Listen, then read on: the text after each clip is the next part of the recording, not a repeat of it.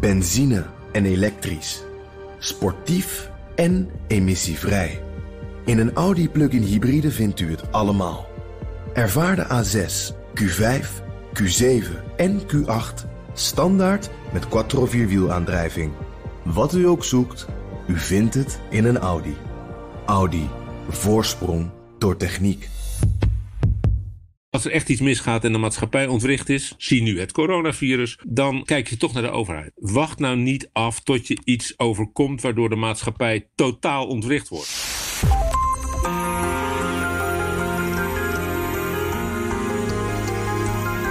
Je luistert naar De Stratege, een podcast van BNR in samenwerking met het Den Haag Centrum voor Strategische Studies. Mijn naam is Paul van Liemt. Interpol has issued a purple notice warning of several types of financial fraud schemes connected to the ongoing global health crisis.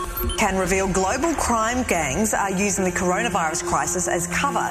The COVID 19 pandemic offers hackers that say a Nigerian prince never could. Dozens of Bay Area businesses are now asking employees to work from home, but how secure is your home network?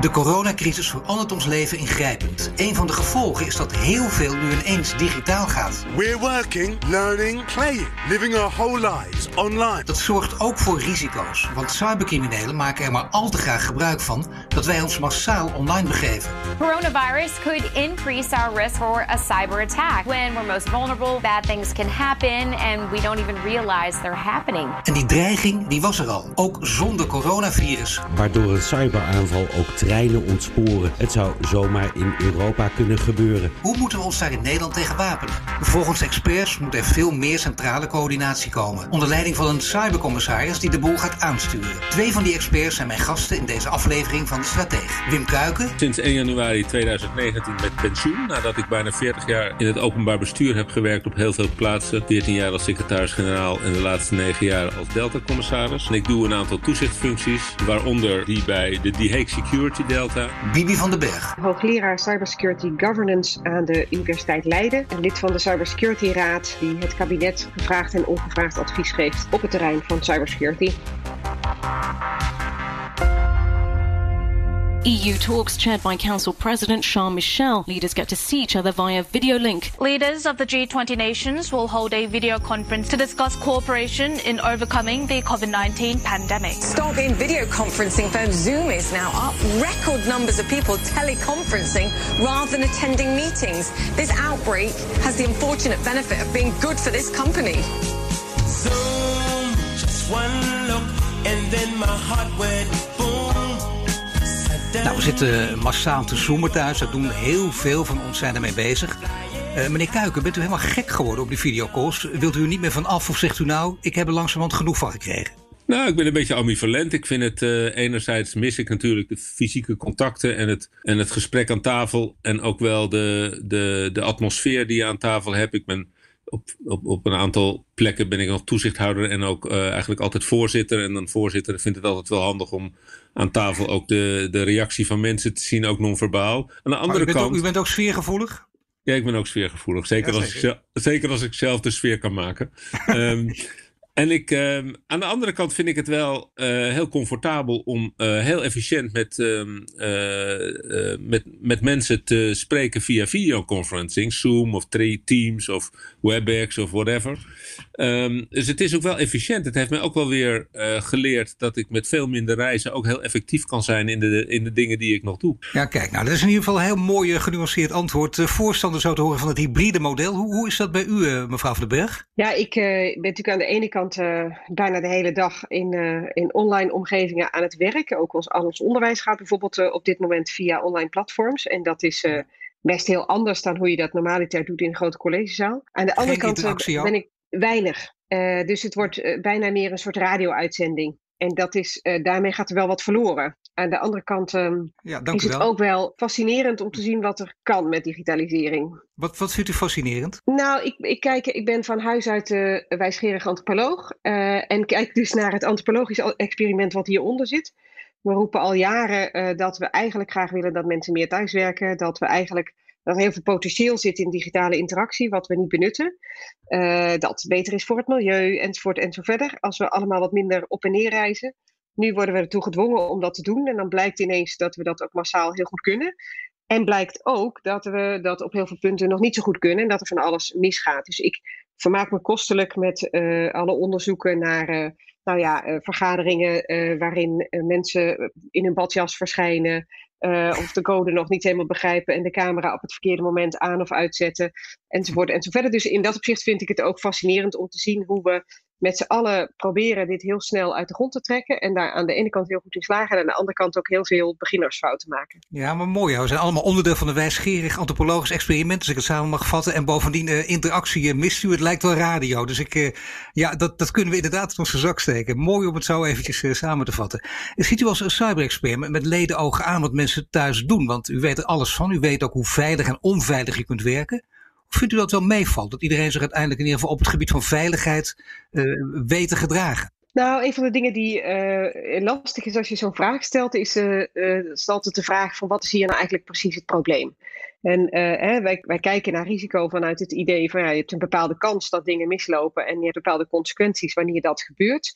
bij, de, bij, bij, het grootste gedeelte van de mensen, als die hun telefoons en hun laptops slecht beveiligen, dan kan dat best tot problemen leiden, maar dan hebben we het niet meteen over de orde van grootte van een nationale ramp. Uh, hè, dus uh, uh, in, in, dat opzicht kan je zeggen, er, is misschien minder aan de hand dan je zou kunnen vrezen. Tegelijkertijd denk ik wel dat een van de lessen van deze tijd is dat als we met z'n allen steeds meer online gaan doen en we blijven verder gaan met, met die trend van digitalisering, dan kunnen we dat alleen maar doen met ook de inachtneming van veiligheid. Want we gaan gewoon steeds meer online doen. En veiligheid wordt daarbij gewoon een steeds crucialer aspect. Meneer Kuiker, als we even uw carrière in een vogelvlucht bekijken, secretaris-generaal bijvoorbeeld bij het ministerie van Algemene Zaken. Ik moet altijd denken, met uh, zowel de heren Balken en als Kok gewerkt. En uh, het verhaal met u en Kok, dat blijft toch te mooi om, om niet nog eens een keertje te vermelden. Twee uh, lange heren en u was één centimeter langer dan Wim Kok. Dat heb u toch goed onthouden? Zou zomaar kunnen. ja, nou kijk eens even. Zelfs hier bent u, houdt u de veiligheid in stand. Hè? U bent toezichthouder van de Hague Security Central Delta Commissaris. Um, ook nog geweest. Uh, wat doet u precies? Wat kunt u over die organisatie vertellen? Die laatste, de Hague Security Delta. In 2013 ongeveer zal het geweest zijn, is dit cluster opgericht. Beetje naar analogie van Brainport in Eindhoven of Food Valley in Wageningen of Biotech in uh, Leiden. Dus een triple helix. Uh, kennisinstellingen um, bedrijven en overheden die met elkaar um, uh, innovatief willen zijn op in dit geval het gebied van de digitale veiligheid. Past heel goed bij Den Haag, uh, stad van vrede, recht en veiligheid. Dus Den Haag heeft ervoor gekozen in de tijd om dit cluster op te zetten. Met een uh, klein bureautje, een office en een campus. Vlakbij het station La van Nieuw-Oost-Indië. Dus erg verankerd in Zuid-Holland, in Den Haag, maar eigenlijk nationaal opererend. En inmiddels zijn er van dit netwerk ongeveer 300 um, partners uh, te tellen.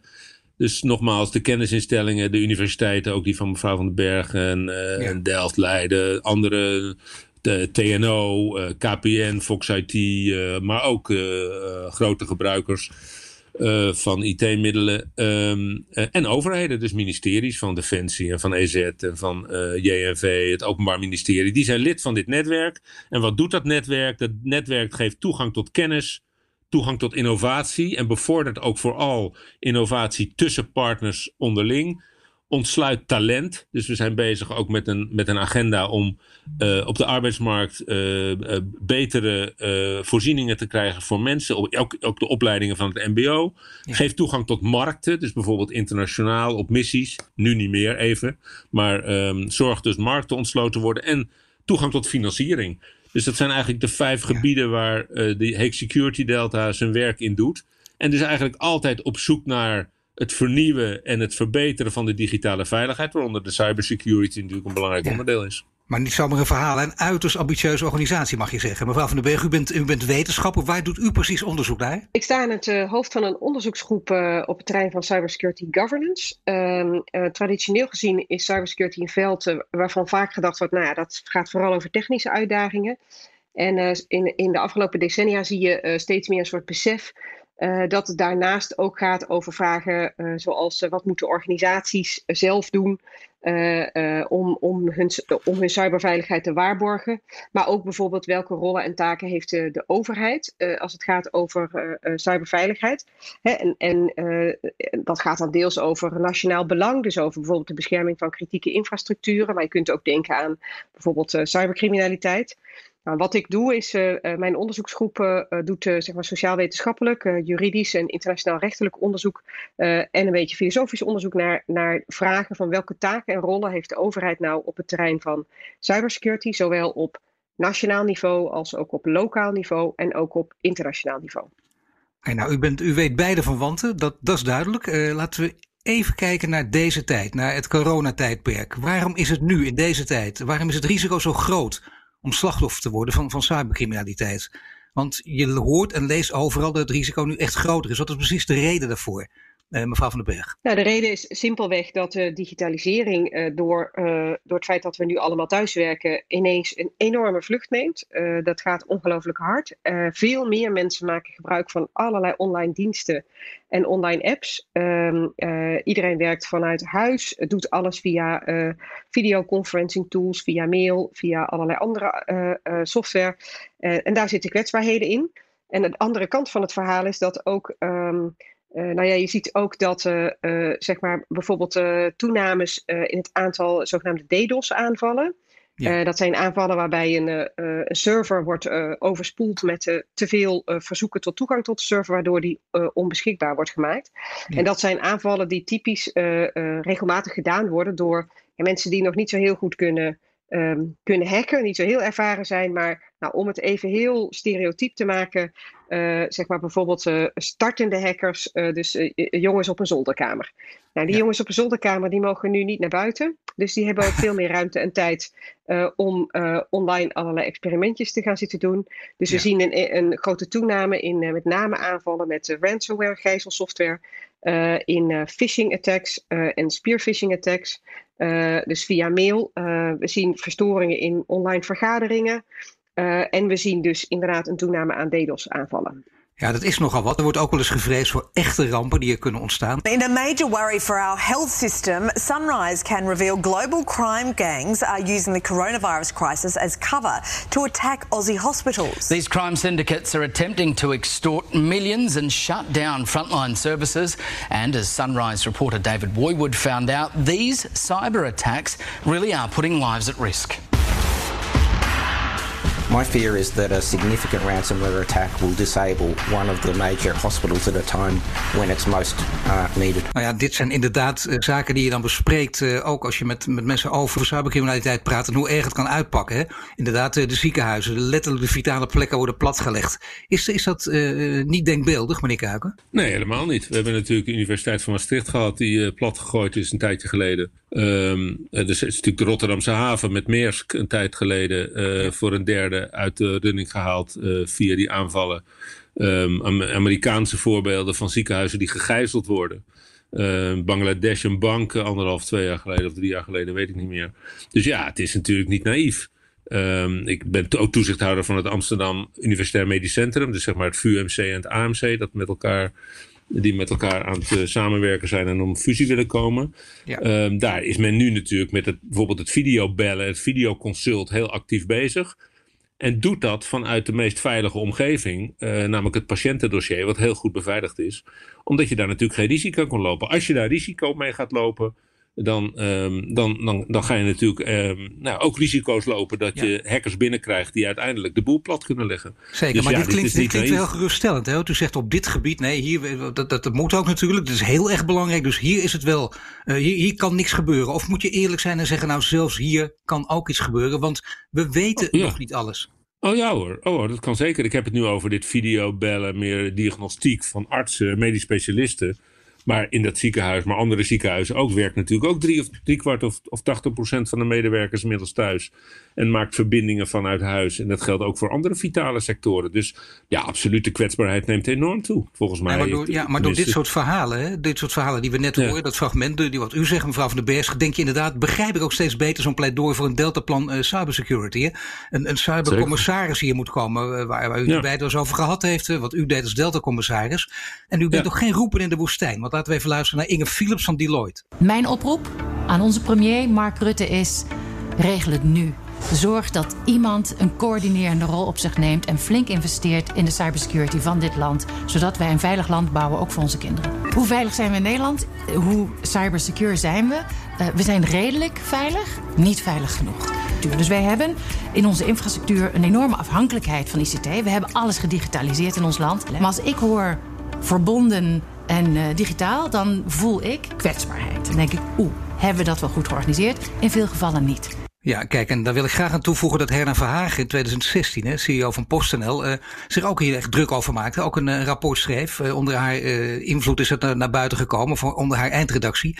En dat ging over digitale dijkbewaking. Dat werd toen ook zeer serieus opgevat, want dat was ook nog eens iemand uit onverdachte hoek. Het was niet iemand die sprak namens wij van WC Eend. is het juist, je en dan wordt er altijd geroepen, in crisistijden, dan kun je echt een, een punt maken en een punt hard maken.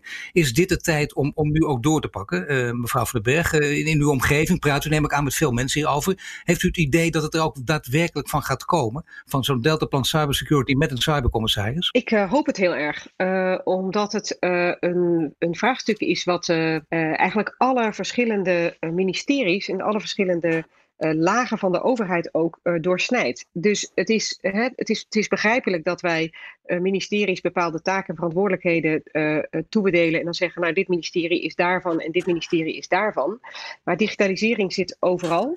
Uh, en moet dus eigenlijk, uh, als het ware, door alle ministeries heen uh, een plek vinden. En wat je tot, tot op heden heel duidelijk ziet, is dat het landschap gewoon ja. te versnipperd is. Dat ministeries zeggen, ja, we hebben een afgebakende taak en we kunnen dit kleine stukje van de puzzel wel doen. Maar daarmee zijn er wel allerlei thema's rondom cybersecurity die als het ware blijven, ja, die vallen tussen de gaten door. En ja. daar is dan helemaal niemand van. Uh, en wat je zou willen, is dat er dus een, een soort regiefunctie wordt gecreëerd. Uh, waar ook, ook een, ja, met, een, met doorzettingsmacht, met een bepaalde hoeveelheid middelen. Uh, op basis waarvan je daarna kan gaan zeggen: Oké, okay, nu maken we een, een plan voor de komende 15 jaar. Dat leggen we in één klap vast met heel veel tussenstations en stappen. en met een regiehouder en een, en een portefeuillehouder die ervoor gaat zorgen dat partijen met elkaar gaan samenwerken. En dat we samen de problemen te lijf gaan. Toch zeggen veel mensen: Dit zegt u al een tijdje. de meneer Kuiker zegt het ook. Ik noem de Herna Verhagen. We hoorden net Inge Philips. Er zijn meer mensen uh, van naam en faam die zich ook in het onderwerp verdiept hebben. Die, die, die hiervoor pleiten. Toch lijkt het dat er, dat er ook in, op dit gebied dat er pas iets gebeurt als er een ramp ontstaat. Je ziet het uh, in het klein zie je dat bijvoorbeeld bij. Hè, we weten allemaal dat er bijvoorbeeld een kruispunt is in een stad. En, en, en die mensen waarschuwen. Kijk uit, want er vallen een keer doden hier. En op het moment er wordt niks gedaan tot de doden vallen. En dan komen er bij stoplichten en dan komt de beveiliging. Dat voorbeeld kennen we allemaal. Waarom duurt het zo lang, meneer Kuiker, voordat dit besef doordringt? Ja, dat is altijd heel moeilijk in te schatten. Ik heb het uh, zelf meegemaakt, dus in de fysieke omgeving als Delta-commissaris. Uh, uh, die, dat werd eigenlijk in 2010, toen duidelijk werd hoe de klimaatverandering zich ehm, ging ontwikkelen. Werd daar ja. eigenlijk voor het eerst op die manier over gedacht. Tot die, tot die tijd waren er om de 60, 70 jaar waren er overstromingen in Nederland. Aan de rivier of bij de IJsselmeer. Of nou ja, het laatste dan in 1953 in Zuidwest-Nederland. En daarna kwamen er plannen en dijken en dat moet nooit meer. Maar eigenlijk nooit is er een organisatie opgezet die uh, de opdracht krijgt om te voorkomen dat het nog een keer gebeurt. Nou is Nederland een laaggelegen land, dus hier vond iedereen het uiteindelijk in 2010 toch wel logisch om plannen te maken. Een programma, een Delta-programma met daar onderliggende plannen. Ieder jaar opnieuw met een commissaris die als regeringscommissaris zeg maar, de regie voert over het totaal. En dat is zeer geslaagd.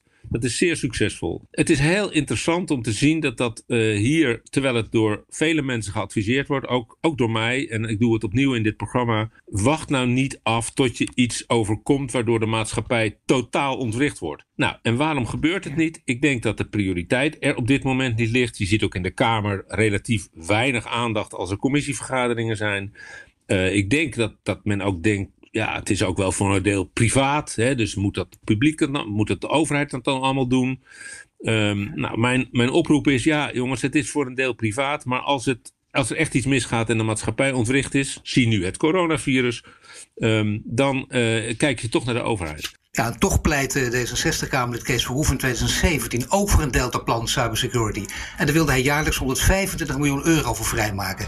Ja, alleen is er nog steeds niet zo'n plan en we hebben hem gevraagd waarom dat nog steeds niet van de grond is gekomen. D66 heeft met een aantal andere partijen gepleit voor een vorm van het beter organiseren van cybersecurity. Je hoort dat heel veel onderdelen van, je noemt de vitale infrastructuur, dus elektriciteitsnetwerken, energienetwerken, maar bijvoorbeeld ook het bankaire verkeer. Dat, dat is allemaal best onder druk van allerlei cyberaanvallen. Dus er is best wel een discussie van hoe, hoe kunnen we dat nou op een wat meer gecoördineerde manier beschermen, beveiligen.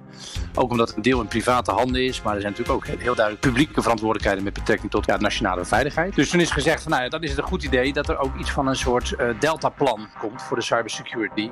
omdat het gewoon iets is wat steeds vaker heel veel mensen kan gaan raken. En daar is inderdaad een aantal keer over gesproken in de Tweede Kamer. Met minister Grapperhaus van Justitie en Veiligheid, die er ook wel voorstander van is. Dus er is ook wel een meerderheid in de Kamer die absoluut ziet dat dit beter geregeld moet worden. Maar het zit hem heel erg in de uitvoering. Er zijn mensen die zeggen je moet iemand onder de premier hangen, onder premier Rutte. En die moet gewoon de centrale aansturing kunnen doen. Maar dat wil eigenlijk de premier niet, omdat die vindt dat het echt aan de vakministeries is. Dus die willen toch liever bij justitie houden. Dus het is een beetje een pingpongspel tussen de verschillende departementen en de eindverantwoordelijkheid voor zo'n deltaplan en ook voor zo'n nationale cybersecurity coördinator uh, of een andere rol. Dus het zit hem vooral een beetje vraag wie gaat er dan uiteindelijk in het kabinet over. En, en dat is eigenlijk de reden waarom het nu nog niet, nog niet echt concreet geworden is. Uiteindelijk wordt dit probleem alleen maar groter. Iedereen in de Tweede Kamer en iedereen die er verstand van heeft, die weet ook dat dit onderwerp vraagt gewoon een goede coördinatie. Ik bedoel, cybersecurity is niet alleen maar techniek, het is vooral organisatie. Je moet het goed organiseren. Allemaal losse uh, onderdelen moeten bij elkaar gebracht worden. Dus het zal gewoon nodig zijn. En we zullen op een gegeven moment die barrière die er nu een beetje is, de onwil om het ergens neer te leggen, die moet gewoon opgelost worden. Dus wat D66 betreft blijft de Tweede Kamer hier in ieder geval werk van maken.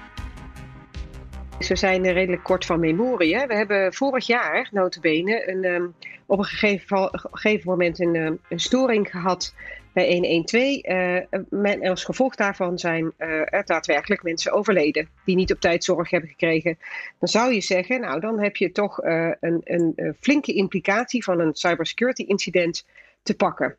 Dit is een ja. directe consequentie van er gaat iets mis in een digitaal netwerk. En er vallen letterlijk doden. En dat is enorm te betreuren. Um, helaas uh, uh, is het dan zo dat we daar uh, toen best een hele hoop nieuwsitems over hebben gehad. En er is in de politiek over gesproken. En vervolgens zie je dat we daarna toch weer overgaan tot de orde van de dag. En ik, ik denk dat een van de problemen, tussen aanhalingstekens, waar we tegenaan lopen is dat we in Nederland uh, uh, op allerlei vlakken, bij allerlei organisaties, uh, organisaties zelf, maar ook op het niveau van de overheid, ook al wel heel veel dingen goed aan het doen zijn.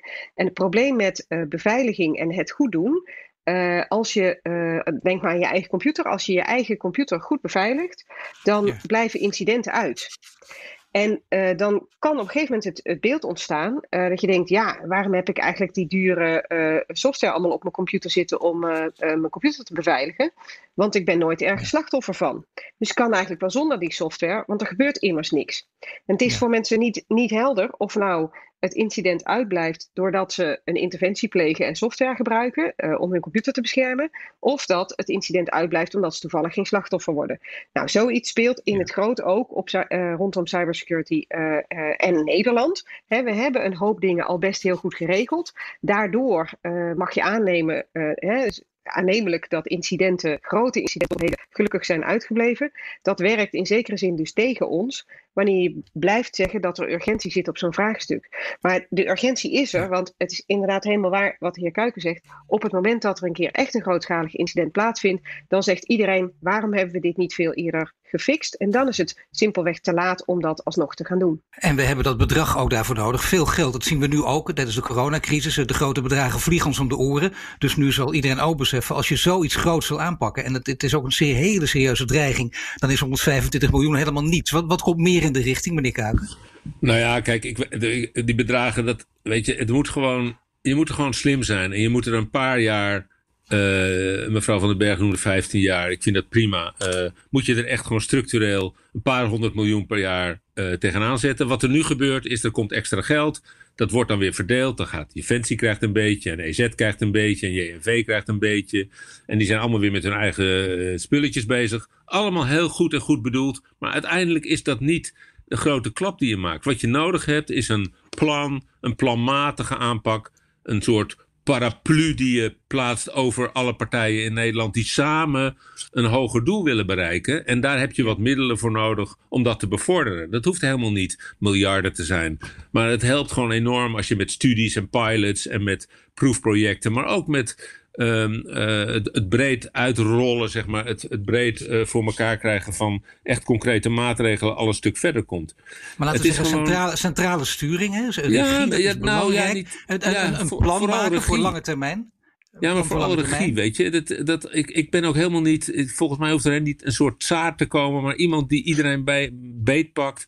En, en een agenda maakt en plannen ontwikkelt... en draagvlak creëert... om met elkaar een stuk verder te komen. Want Maar niet een soort Wim dit... Kuiken, om eens een voorbeeld te doen. Ik- Ja, ik bedoel niet dat ik bij een tsaar meteen aan Wim Kuiken denk, want dat zou echt, eh, dan, dan mag u nu, nu weglopen natuurlijk. Maar ik bedoel dat, dat er een soort een Delta-commissaris hè, ook op dit gebied komt, die in ieder geval de plannen uitzet, die aanspreekbaar is. En die Ja, het is helemaal niet zo gek om een commissaris voor cybersecurity in Nederland te roemen en een tijd lang dit werk te laten doen. En dan dat hoop ik dat al die partijen dat ook inzien, omdat die deelbelangen die zijn allemaal relevant. Maar uiteindelijk win je de wedstrijd niet in je eentje. Je kan het niet. Dat was bij het water ook zo. Als je aan de Maas in Limburg sleutelt, heeft Rotterdam er last van. Weet je, dat is natuurlijk bij dit soort onderwerpen ook zo. Je kan in je eentje proberen iets te organiseren voor het OM of voor eh, Defensie of voor het midden- en kleinbedrijf. Maar het grotere geheel, daar moet het eigenlijk in passen, wil je als Nederland. En dat is ook een belangrijke vestigingsplaatsfactor, vergis je niet.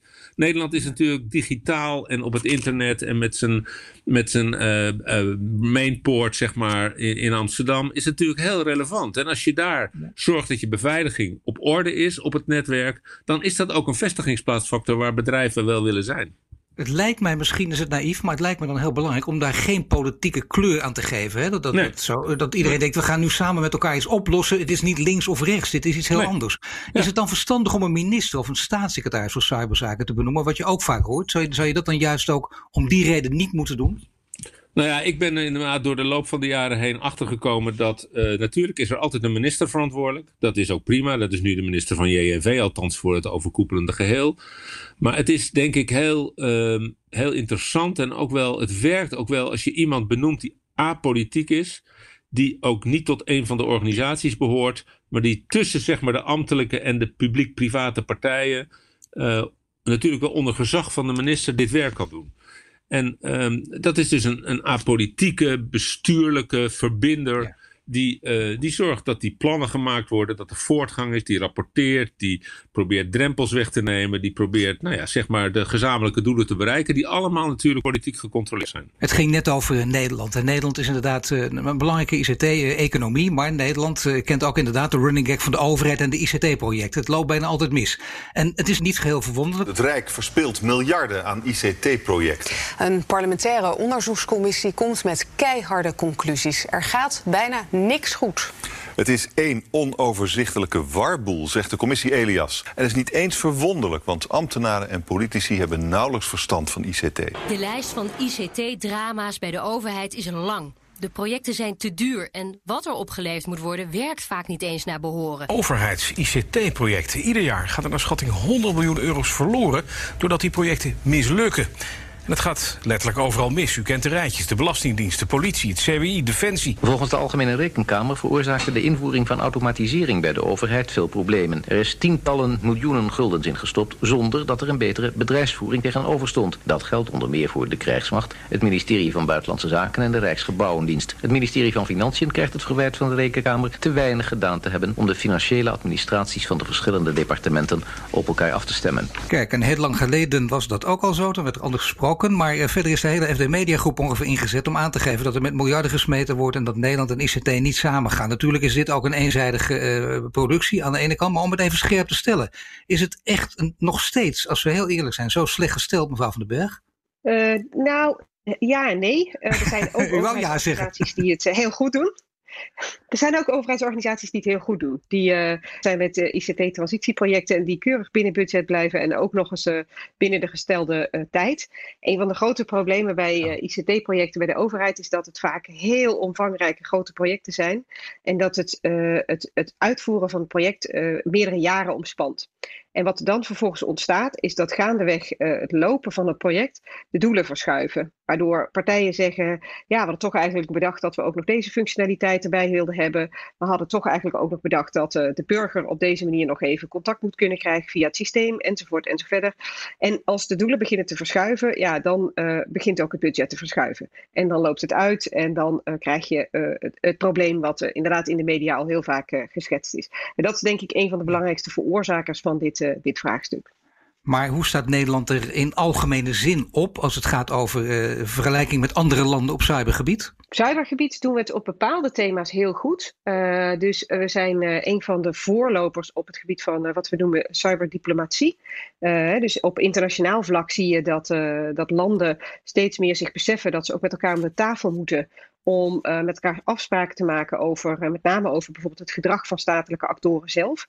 Mag je nou als, uh, als land op een ander land gaan spioneren? Mag je nou als land wel of niet zomaar met cyberwapens in de weer en een ander land aanvallen? en onder welke condities geldt dat dan als een oorlogshandeling?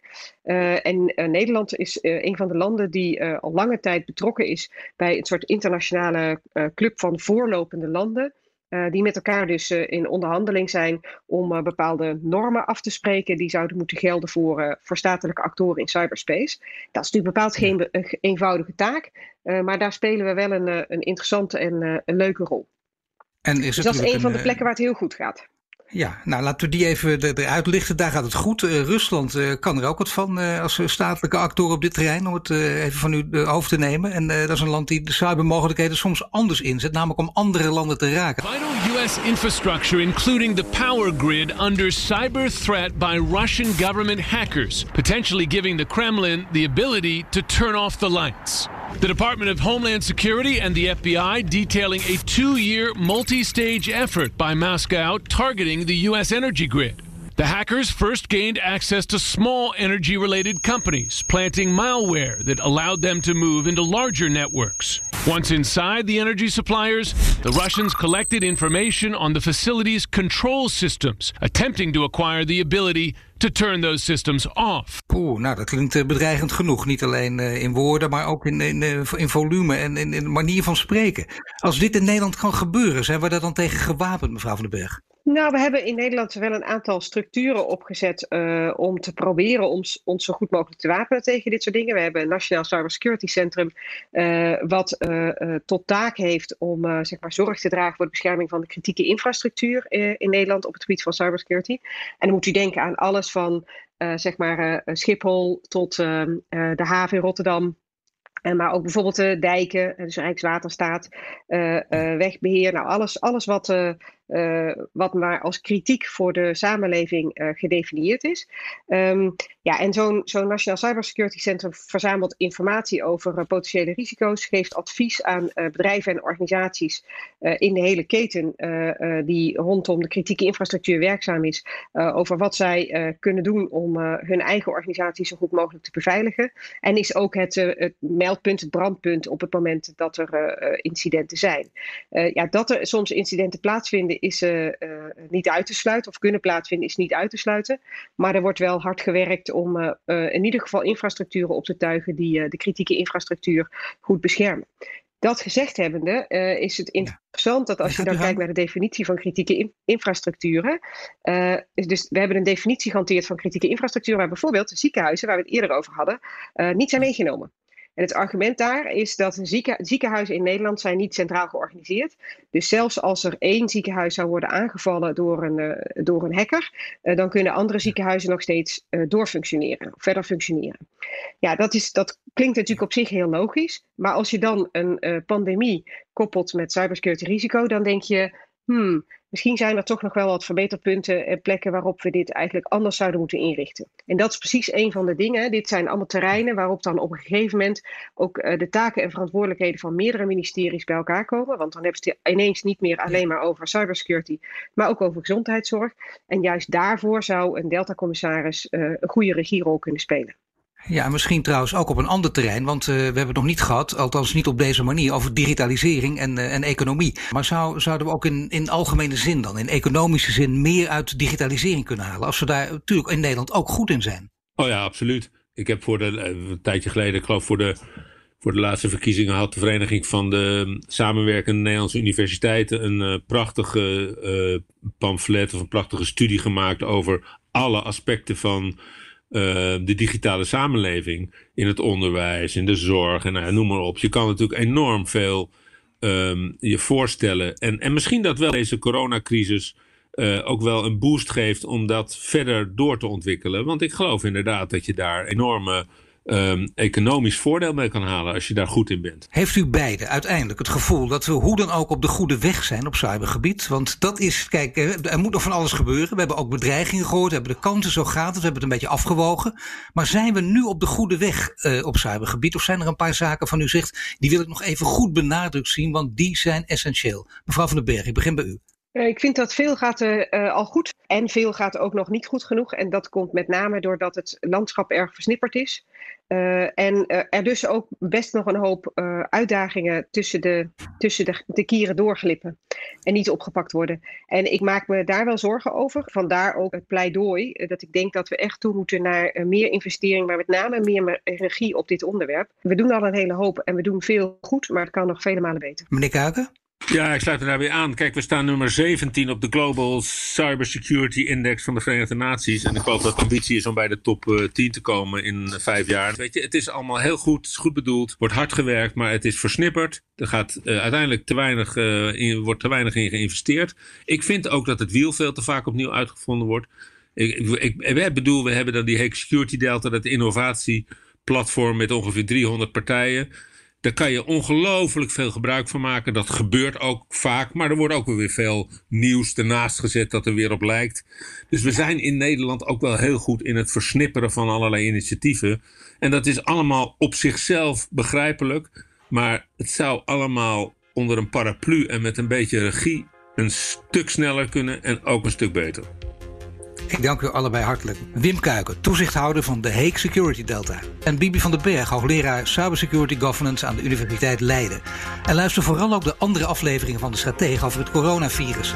En beluister ook een serie over robotica en autonome systemen. Allemaal te vinden via bnr.nl of uw eigen podcast-app. Tot de volgende keer. Benzine en elektrisch. Sportief en emissievrij. In een Audi plug-in hybride vindt u het allemaal. Ervaar de A6, Q5, Q7 en Q8 standaard met quattro vierwielaandrijving. Wat u ook zoekt, u vindt het in een Audi. Audi. Voorsprong door techniek.